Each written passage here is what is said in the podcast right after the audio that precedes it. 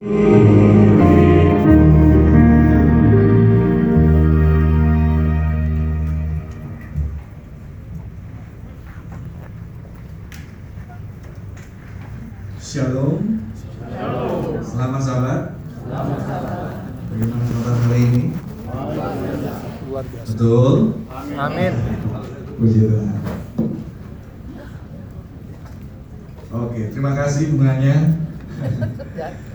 Sebagai ucapan selamat datang buat kami sekeluarga. Memang lebih baik memberikan sekuntum bunga ketika dia masih hidup daripada memberikan bunga yang besar sekali tapi dia sudah meninggal dunia. Amin. Amin. Betul ya? Ini yang perlu kita renungkan. Jadi berikanlah bunga ketika dia masih hidup. Kecil saja nggak apa-apa. Itu menggerakkan hati kita semua. Baik. Pada saat ini saya rindu kita sama-sama eh, memusatkan pikiran dan hati kita kepada renungan firman Tuhan yang sejujurnya renungan ini adalah sebenarnya juga untuk saya pribadi. Karena saya ingin pastikan bahwa ketika belajar Alkitab saya mau Alkitab itu merubah saya dulu. Kekhawatiran saya atau penggodaan saya sebagai gembala jemaat adalah sering kali belajar Alkitab untuk jemaat tapi Alkitab tidak pernah mengubahkan saya sendiri sebagai gembala.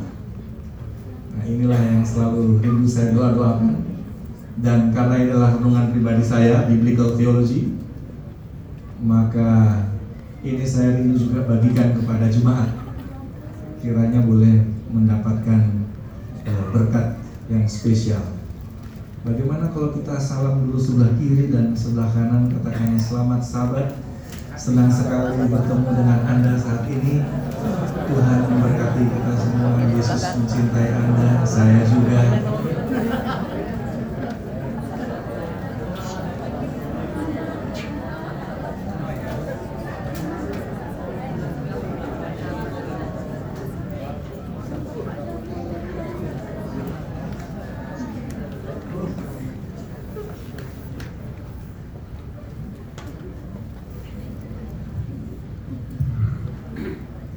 rasanya lebih dekat lebih hangat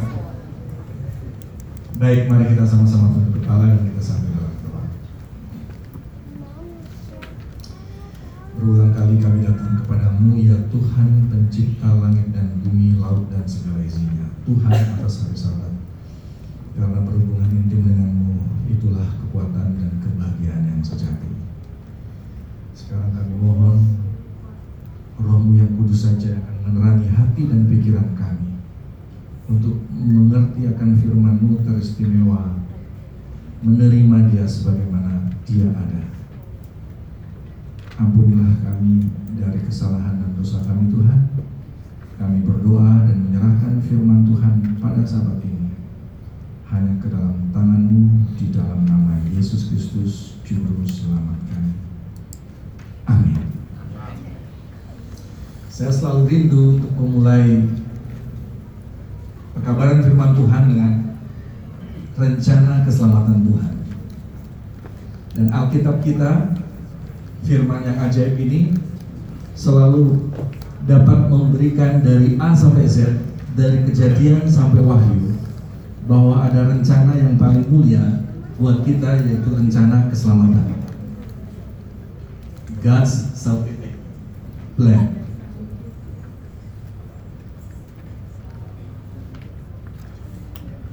Oke.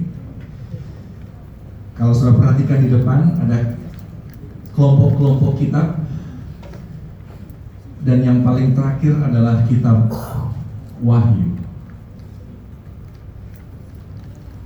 Zaman sudah berlalu sejak penciptaan dunia. Kita diciptakan oleh Tuhan, kita berasal dari Tuhan dan kelak kita akan kembali bertemu dengan Dia sebagai Tuhan pencipta kita. Inilah makna kehidupan yang sebenarnya yang dituliskan dalam Alkitab bahwa fokus kita adalah memahami saya ini berasal dari Tuhan dan tujuan hidup saya adalah kembali bersama dengan Tuhan. Ya memang kesibukan dunia sering kali membuat kita lupa akan hal ini dan kita tergoda untuk gagal fokus kepada tujuan akhir hidup kita yaitu kembali kepada Tuhan. Namun firman Tuhan selalu mengingatkan kita supaya kita boleh jernih dan clear dan jelas untuk memahami bahwa pada akhirnya kita punya stasiun yang ke mana kita harus pergi adalah kembali kepada Tuhan. Dari zaman ke zaman sampai zaman para rasul sudah lewat dan kita sekarang sudah hidup di zaman di mana kitab Wahyu diberikan. Kalau sudah perhatikan kitab Wahyu ada 22 pasal. Lalu di sini ada seperti kiasme. Kiasme itu adalah seperti cermin kalau perhatikan e, tiga pasal yang pertama, ini sama dengan dua pasal yang terakhir.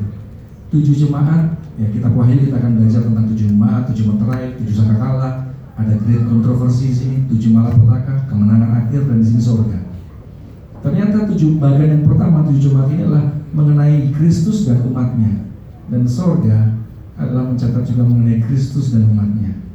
Tujuh materai yang mencatat mengenai enthronement of Christ di sini ada dan kemenangan akhir di sini juga ada mengenai enthronement of Christ, mengenai Kristus diangkat menjadi raja, mengenai Kristus datang sebagai raja. Tujuh sangkakala di sini mengenai judgment, tujuh malapetaka di sini mengenai judgment, dan ini yang paling penting juga di tengah adalah center dari kitab Wahyu, yaitu great controversy between Christ and Satan, antara Kristus dan setan. Dan ini menjawab the cosmic problem. Masalah alam semesta.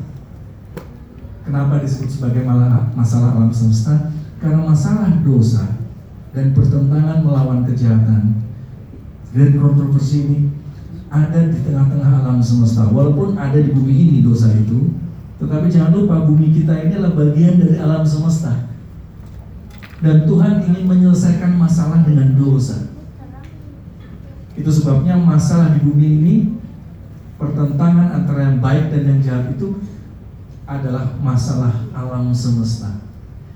Dan Tuhan punya blueprintnya, Tuhan punya rencananya untuk selamatkan manusia dan kemudian selesaikan masalah dengan dosa. Senternya terdapat dalam kitab Wahyu pasal 12. Ini tengahnya pasal 12, Bagian yang pertama ini banyak mencatat mengenai sejarah dan peristiwa perjalanan manusia dan umat Tuhan.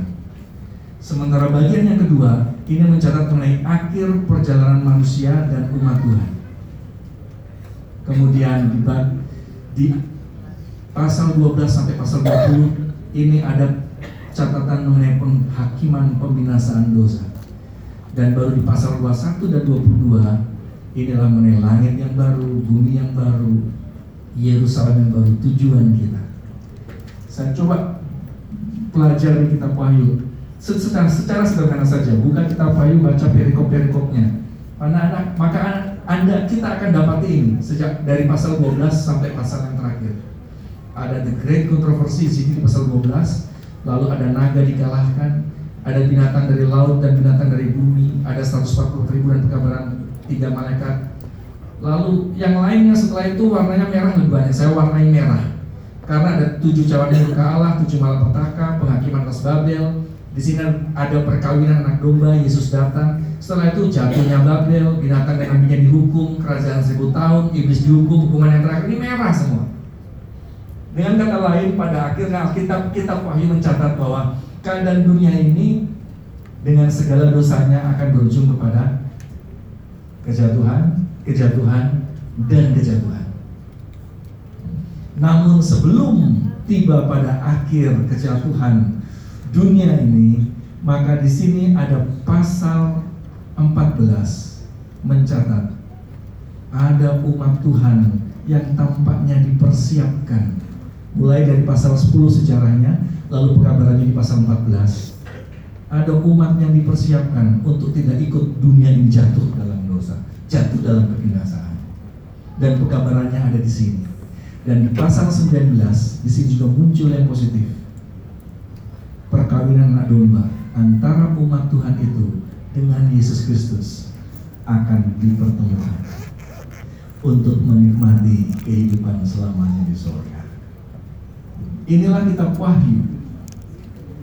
Dan karena di sini ternyata kekalahan dari naga itu, kejatuhan dari dosa itu dimulai dari pasal 12. Pasal 12 ini ada perikop tentang kekalahan naga itu. Maka di sini juga dicatat tentang adanya nyanyian kemenangan khususnya ayat 10 sampai 12. Mari kita coba cari tahu. Kalau sudah buka Alkitab, maka sudah perhatikan ini pasal 12. Dan di sini ada catatan mengenai naga dikalahkan. Lalu di sini ada catatan mengenai nyanyian kemenangan. Apa background dari nyanyian kemenangan ini? Itu yang kita coba cari tahu. Kita cepat saja karena waktu. Wahyu 12 ayat 10 sampai 11 bagi saudara yang bisa membacanya kita baca sama-sama. Inilah nyanyian kemenangan itu. Dua, tiga. Dan aku mendengar suara yang di sorga berkata, sekarang telah tiba keselamatan dan kuasa dan pemerintahan Allah kita dan kekuasaan Dia yang diurapinya. Karena telah dilemparkan ke bawah pendakwa saudara-saudara kita yang mendakwa mereka siang dan malam di hadapan Allah kita.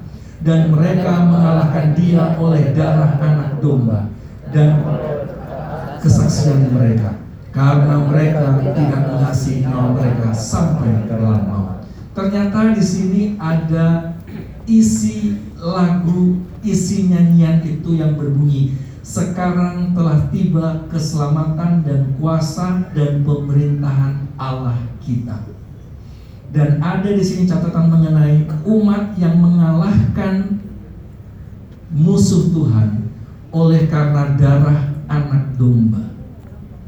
Nyanyian ini ternyata saya coba pelajari memiliki paralel dengan di pasal 15. Nyanyian Musa nyanyian anak domba yang bunyinya besar dan ajaib segala pekerjaanmu ya Tuhan Allah yang Maha Kuasa adil dan benar segala jalanmu ya Raja segala bangsa. Loh mengapa kok ada paralelnya? Saya coba-coba pelajari dan dalami saya dapati kedua pasal ini dimulai dengan the great signs tanda besar di langit. Di pasal yang pertama eh, di pasal 12 ayat 1 dikatakan tampaklah suatu tanda besar di langit. Lalu di pasal 15 juga ada suatu tanda lain di langit besar dan ajaib. Dalam bahasa Grekanya adalah Semeion Mega. Semeion Mega adalah tanda yang besar. Kalau tanda yang besar berarti dia dahsyat. Dan ternyata dalam dalam kitab Wahyu, Semia Mega ini hanya muncul tiga kali. Yang pertama di pasal 12 ini, Great Science comes from God. Dan yang kedua di pasal 13, Great Science comes from the beast from the earth. Tanda besar yang dikeluarkan oleh binatang yang keluar dari bumi. Ada mujizat-mujizat di situ, performance dan sebagainya. Dan yang ketiga adalah yang di pasal 15. Great signs comes from God. Seven angels with seven clouds. Dari gambaran besarnya seolah-olah tampak ada konsep atau ideologi mengenai pertama Tuhan memberikan tanda yang besar itu. Tapi kemudian kedua, setan seolah menyaingi tanda besar dari Tuhan. Namun yang terakhir, Tuhan berikan kembali tanda yang besar itu yang lainnya. Dan tanda yang besar itu, kalau, kalau secara detail tentunya banyak pelajaran yang bisa didapat. Tetapi ada konsep mengenai nyanyian kemenangan. Nyanyian kemenangan dari Musa, tentu kita akan ingat peristiwa ketika bangsa Israel terlepas dari perbudakan. Oleh karena kasih karunia Tuhan dapat menyeberangi the Red Sea, Laut Merah, kemudian sementara mereka berbahagia karena perbuatan Allah yang besar, di, di bawah pimpinan saudaranya, saudarinya Miriam. Musa dan bangsa Israel memuji Tuhan, menyanyi. Nyanyian kemenangan karena keluar dari perbudakan, terbebas dari perbudakan oleh karena kasih karunia Tuhan yang membelah laut mati, eh, laut merah itu. Dan ini menjadi konsep bahwa pada akhirnya nanti umat Tuhan juga akan menyanyikan nyanyian kemenangan karena terlepas dari perbudakan dosa di dunia ini. Untuk kemudian oleh darah anak domba kita dikuatkan menjadi orang-orang yang menang. Nah, karena pasal 15 dan pasal 12 ini ada paralel, lalu mereka memiliki background masing-masing, maka pasal 12 untuk mengerti akan nyanyian kemenangan itu, kita bisa cari tahu juga backgroundnya apa. Kalau mau cari tahu background sebelum tiba kepada ayat 10 nyanyian kemenangan itu, kita bisa belajar mulai dari ayat 1 tentang tanda besar itu. Maka tampaklah suatu tanda besar di langit seorang perempuan. Kenapa tanda besar dan kenapa di langit? Kenapa nggak dibilang ada tanda besar di pantai Ancol? Kalau tanda besar itu hanya di sekitaran tempat, di pantai atau di kota di mana, maka yang mengetahui itu hanya orang sekitar situ saja. Tapi jika dia di langit, nanti kalau tahun baru itu kembang api diarahkannya ke mana? Horizontal atau vertikal? Vertikal ke atas supaya sejauh mata memandang dia bisa terlihat. Dan kalau dibilang di langit berarti Tuhan mau sejauh mata memandang semua harus bisa melihat tanda itu. Inilah tanda yang penting. Tanda besar itu dan tanda besar itu adalah perempuan. Hmm, perempuan. Apa itu perempuan? Secara biblical theology di sini disebutkan perempuan itu berselubungkan matahari. Lalu perempuan itu berdiri di bawah kakinya ini ada bulan. Sementara dia memiliki mahkota dengan 12 bintang. Siapakah perempuan itu? Perempuan adalah umat Tuhan. Kok bisa? Kitab Wahyu mencatatkan perempuan yang dimaksud pasal 12 menggunakan kata yang sama dalam bahasa Greka. Gine.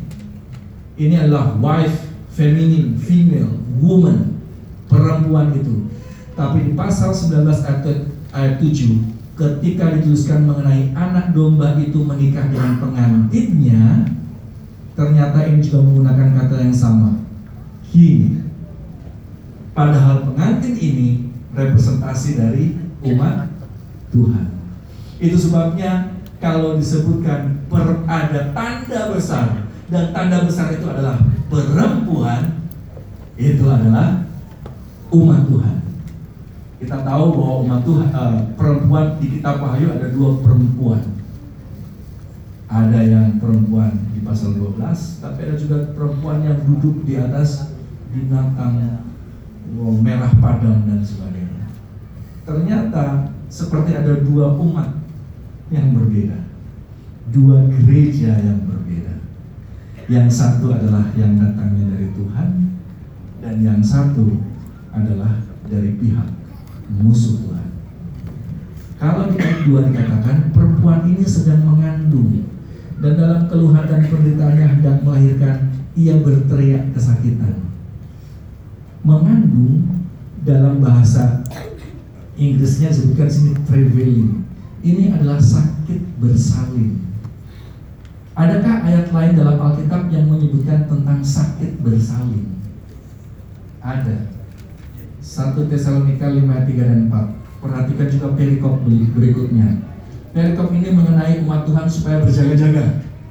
Karena ada kedatangan Tuhan. Tuhan akan datang. Lalu perhatikan. Apabila mereka mengatakan semuanya damai dan aman, maka tiba-tiba mereka ditimpa oleh kebinasaan seperti seorang perempuan yang hamil ditimpa oleh travail, sakit bersalin. mereka pasti tidak akan luput. Tetapi kamu, saudara-saudara, kamu tidak hidup dalam kegelapan sehingga hari itu tiba-tiba mendatangi kamu seperti pencuri. Ternyata ada konsep mengenai umat Tuhan harus terus berjaga-jaga, harus terus watch out and pray, berdoa dan berjaga-jaga. Karena sama seperti wanita sakit bersalin yang tidak tahu kapan waktunya, hari itu kan datang seperti mencuri. Dan itulah kita harus selalu berjaga-jaga akan kedatangan Tuhan. Keadaan sakit bersalin yang datang tan- tanpa diduga seperti pencuri adalah berbicara tentang kedatangan Tuhan. Lalu ayat ketiga mengatakan, ketika Yohanes melihat pemandangan demi pemandangan di Pulau Patmos, kali ini muncul tanda yang lain. Tampaklah suatu tanda besar yang lain di langit dan lihatlah seekor naga merah padam yang besar. Dari pemandangan mengenai perempuan, umat Tuhan kali ini ada pemandangan mengenai naga yang besar itu dan kita tahu sama-sama siapa naga itu. Wahyu 12 ayat 9 dan langsung dijawab di ayat 9. Naga besar itu ular tua iblis Satan yang dilempar ke bawah. Dilempar ke bawah, dilempar dari mana? Kita tahu jawabannya terjadi peperangan di sorga. Ternyata asal muasalnya dari sorga dilempar ke bawah. Loh, kalau dia berasal dari sorga, apakah dia memang apakah memang Tuhan menciptakan naga di sorga? Apakah Tuhan menciptakan naga? Tentu tidak. Biblical theology dalam nubuatannya dari perjanjian lama sampai perjanjian baru memberikan ayat-ayat penting untuk mendapatkan jawaban Yeskiel 28 ayat 19 eh, 12 sampai 17 ternyata yang diciptakan Tuhan bukan naga melainkan gambar dari kesempurnaan. Dia itu ada di taman Allah. Dia itu kerubium berada di gunung kudus Allah. Yang diciptakan Tuhan mulia, baik adanya gambar dari kesempurnaan. Tidak bercela, tidak ada celanya. Gambar kesempurnaan, penuh hikmat, elok sempurna, dia kerubium di gunung kudus Allah, dia tidak bercela. Sudah itu yang diciptakan Tuhan sebenarnya. Tapi dia tak bercela sampai pada sejak hari penciptaannya sampai terdapat kecurangan. Ah, ini dalam bahasa Ibrani Aulata. Wickedness, perversity, the act of changing something that is good or right into something that is bad or wrong, injustice, unrighteousness, ah, unjust. Ternyata di situlah kemudian muncul engkau disebutkan berbuat dosa. Berarti sebenarnya sejak awal Tuhan tidak pernah menciptakan dosa. Sampai pilihan dari oknum ini yang secara misteri memilih untuk mengubah dari yang benar menjadi salah. Awalnya ia tidak mengerti akan keadaannya ini. Kenapa ini kok saya seperti ada yang berbeda dalam diri saya? Tapi gantinya menanyakan kepada Allah dan gantinya menanyakan kepada Tuhan di sorga. Sangat disayangkan. Dia tidak membuangkannya. Jadi pelajaran juga buat kita. Kalau ada sesuatu yang seperti ah, ini kok seperti aneh ini sebenarnya yang mana ya menggelisahkan. Gantinya kita orang Jawa bilang eman-eman, kita simpan-simpan. Langsung tanya sama Tuhan, pergi sama Tuhan, itu lebih aman. Dan kalau menggelisahkan segera buang. Karena secara misteri dosa ini muncul dari sini. Tapi sangat disayangkan ia tidak membuangkannya. Malah dia berusaha untuk coba lihat. Ia nyaris mengambil keputusan untuk kembali, tetapi kesombongan telah menegahkannya. Ia merasa adalah suatu pengorbanan yang terlalu besar bagi seorang yang pernah mendapat kehormatan yang tinggi untuk mengakui bahwa ia bersalah, bahwa pendapatnya keliru dan tunduk kepada kekuasaan yang sedang dicobanya untuk membuktikan ketidakadilannya. Karena dia adalah seorang pemimpin malaikat, dipercayakan kepadanya sebagai pemimpin makhluk seluruh alam semesta. Dia adalah pemimpin biduan. Dia adalah kerubium. Hanya kerubium yang bisa dekat dengan tahta Allah. Yang lainnya nggak bisa. Dekat tahta Allah semua hangus karena semua ciptaan. Tapi dia ini yang bisa dekat dengan tahta Allah. Itulah kerubium dan dia dekat dengan Allah sejak mulanya, awalnya. Dia sangat mulia, ciptaan yang pertama, sempurna. Tapi saya mencoba membayangkan ketika dia memimpin di luar mungkin, awalnya ini untuk Allah, ini untuk Allah, ini untuk Allah. Saya jadi kuribium ini untuk Allah, saya pemimpin malaikat ini untuk Allah. Saya menjadi pemimpin alam semesta. Ini untuk Allah. Tapi kemudian dia mulai melihat eh aku ini ternyata pemimpin di luar.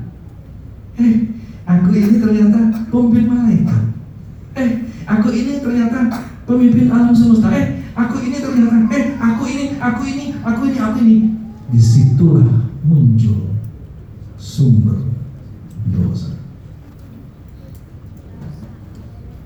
dan ketika dia merasa bahwa dia adalah seseorang yang terhormat lalu ada yang menggelisahkan dalam dirinya begitu dia ditegur gantinya dia rendah hati menyerah muncul dosa berikutnya. Masa iya saya yang salah? Kan saya pemimpin. Saya kan pendeta masa iya sih saya salah keakuan-keakuan ini menyebabkan selfishness itu semakin mengental dan itulah sumber dosa. Kesombongan mengikutinya akhirnya pada titik tertentu dia harus dilempar ke bawah. Kalau disebutkan ada kecurangan, curang itu adalah untuk menguntungkan diri. Kalau disebutkan sombong, maka sombong itu adalah karena memandang diri. Sin is originated by self seeking. Dosa sumbernya bermula dari memandang diri. Kalau sakit itu akibat dosa, kematian itu akibat dosa. Tapi kalau selfish memandang diri, self seeking itu bukan akibat dosa, itu sumbernya dosa. I dalam bahasa Inggrisnya. Aku, nah, aku dulu dong, aku dulu. Gak usah jauh-jauh di kantor, di gereja, di mana-mana, di keluarga saja. Siapa yang duluan? Aku dulu yang harus dituruti dan sebagainya. Setiap hari kita bergumul dengan I. I. I ini padahal center dari S I N. Sin dan sin ini adalah kependekan dari self ishness mementingkan diri adalah sumber dari dosa. Itu sebabnya Allah kita adalah Allah yang tidak pernah mementingkan diri. Dia Allah. Tapi justru dia kealahannya adalah sesuatu yang tidak harus dipertahankan.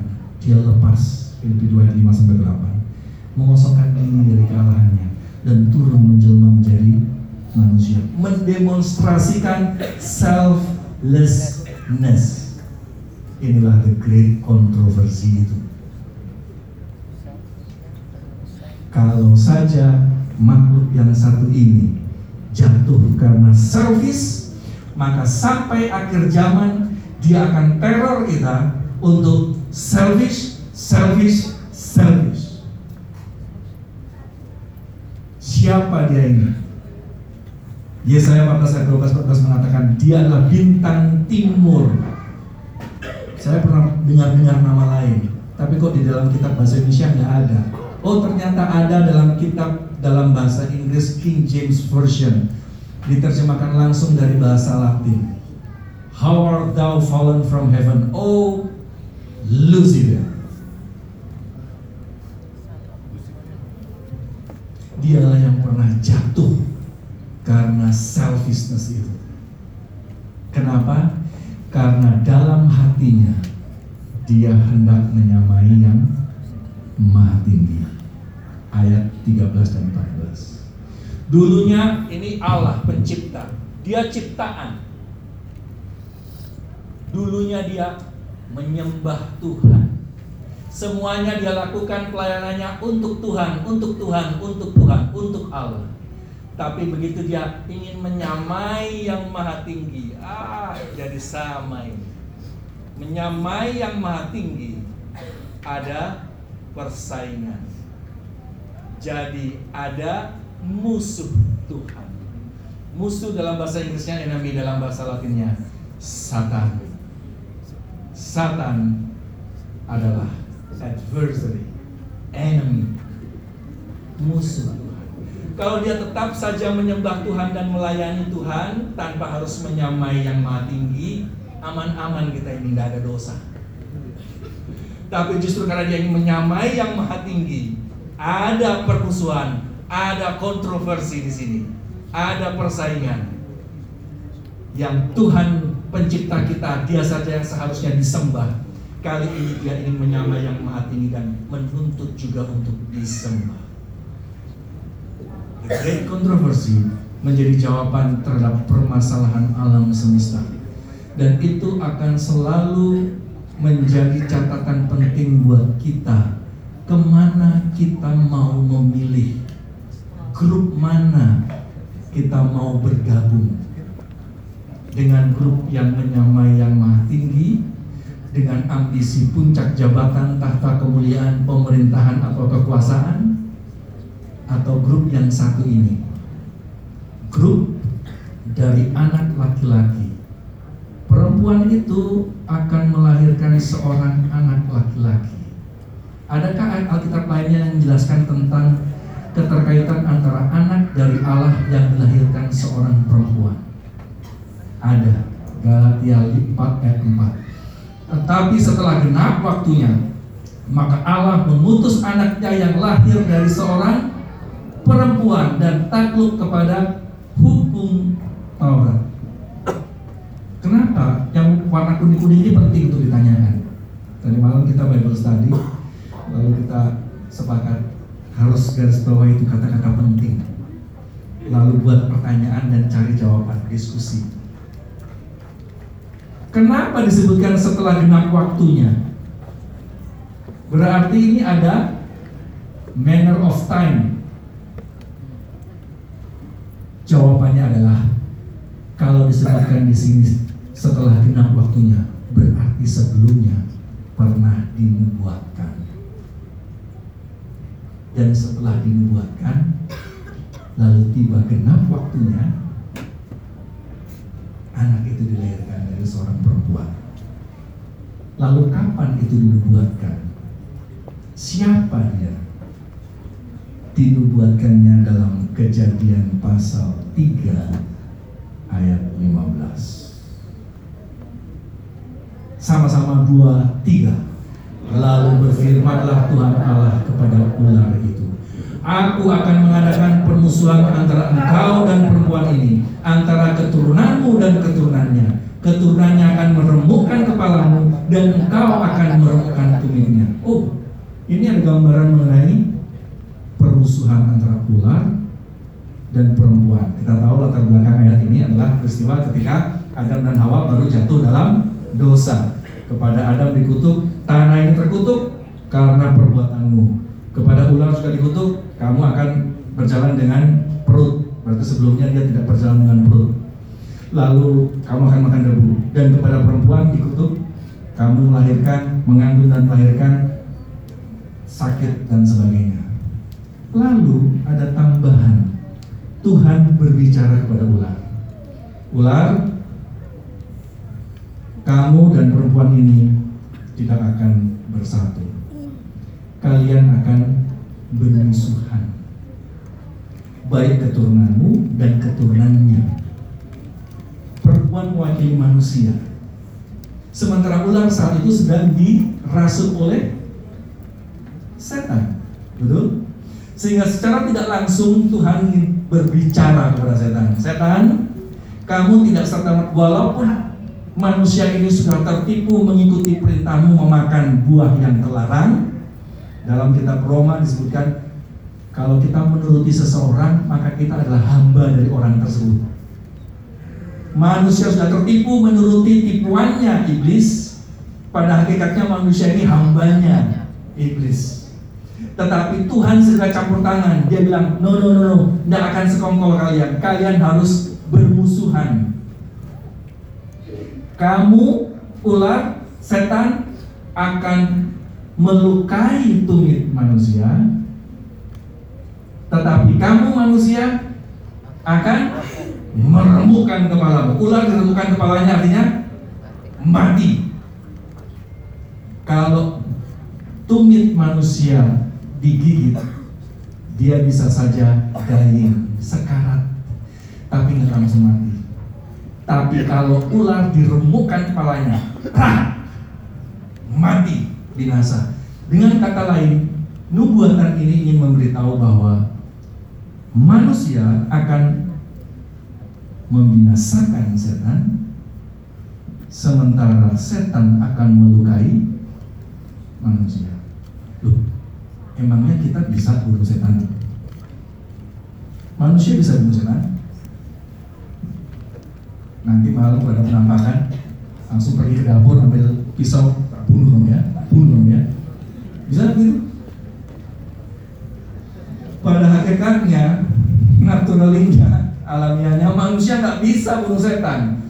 Kita ini diciptakan satu derajat lebih rendah daripada malaikat, sementara setan itu berasal dari malaikat satu derajat lebih tinggi dari kita. Kalau kita mencatat manusia, setan bisa bunuh manusia, dia pembunuh sejak semulanya. Tapi kita manusia nggak bisa bunuh setan. Bagaimana kita bisa membunuh setan? Namun sekarang Tuhan yang bilang, pencipta itu sendiri yang katakan, manusia akan bunuh kamu setan. Di alam semesta ini manusia nggak bisa bunuh setan, tetapi tentunya ada kuasa yang tak terbatas, tak terhingga, kuasa yang maha besar, kuasa yang maha agung, kuasa pencipta itu sendiri, dialah yang mampu membunuh dan membinasakan setan. Lalu sekarang pencipta itu sendiri, Tuhan itu sendiri mengatakan bahwa manusia akan bunuh setan. Tuhan mengatakan manusia bunuh setan. Manusia nggak bisa bunuh setan. Hanya Tuhan yang bisa bunuh setan. Tapi Tuhan bilang manusia. Oh, berarti Tuhan dan manusia harus jadi satu terlebih dahulu sehingga Tuhan di dalam manusia mampu untuk membinasakan setan.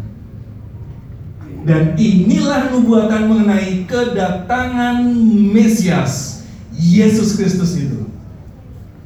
Begitu manusia jatuh dalam dosa, Tuhan langsung mengikrarkan, mendeklarasikan rencana keselamatannya. Saya Tuhan akan jadi manusia dan saya di dalam diri manusia kelak akan membereskan masalah dengan dosa.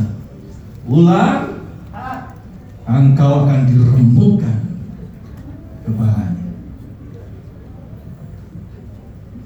Itulah nubuatan Mesias sejak semula mengenai rencana keselamatan Tuhan untuk membereskan masalah dengan dosa. Ketika setan jatuh dari surga, memberontak kepada Tuhan, dia tidak suka memberontak sendirian. Dia akan cari teman, cari teman untuk bersekongkol melawan surga. Dan dari semua makhluk yang ada di alam semesta ini, bumi kita yang jatuh. Tapi begitu manusia jatuh dalam dosa, perhatikan, seandainya Allah tidak campur tangan, setan dan manusia akan bersekutu melawan surga. setan dan segenap umat manusia akan bersatu menentang Allah. Tapi sebelum itu terjadi, Tuhan pencipta itu sendiri mendeklarasikan rencana keselamatannya yang menyebabkan setan tidak dapat bersekutu dengan manusia namun justru bermusuhan dengan manusia. Dan sebaliknya Tuhan sendiri kemudian menjelmakan dirinya menjadi manusia. Dan kita bersyukur Tuhan pencipta kita sekarang sudah bersatu dengan manusia. Tuhan pencipta kita sekarang sudah bersekutu dengan manusia. Manusia dan sorga sekarang sudah bersama-sama dalam satu grup. Dan kepada setiap orang yang percaya kepada dia tidak akan binasa melainkan beroleh hidup yang kekal. Itulah Tuhan pencipta kita. Itulah Tuhan yang kita sembah. Itulah Yesus Kristus. Itulah Tuhan atas hari sabat. Itulah pencipta yang penuh kasih. Tidak salah kita sembah Tuhan yang satu ini. Karena memang dialah Allah, Allah pencipta yang telah mempersatukan dirinya dengan manusia. Dan ketika dia bersatu, seluruh umat alam semesta ini dengan suara yang nyaring akan bersorak. Besar perbuatanmu Tuhan. Besar keselamatanmu dan itulah nyanyian kemenangan.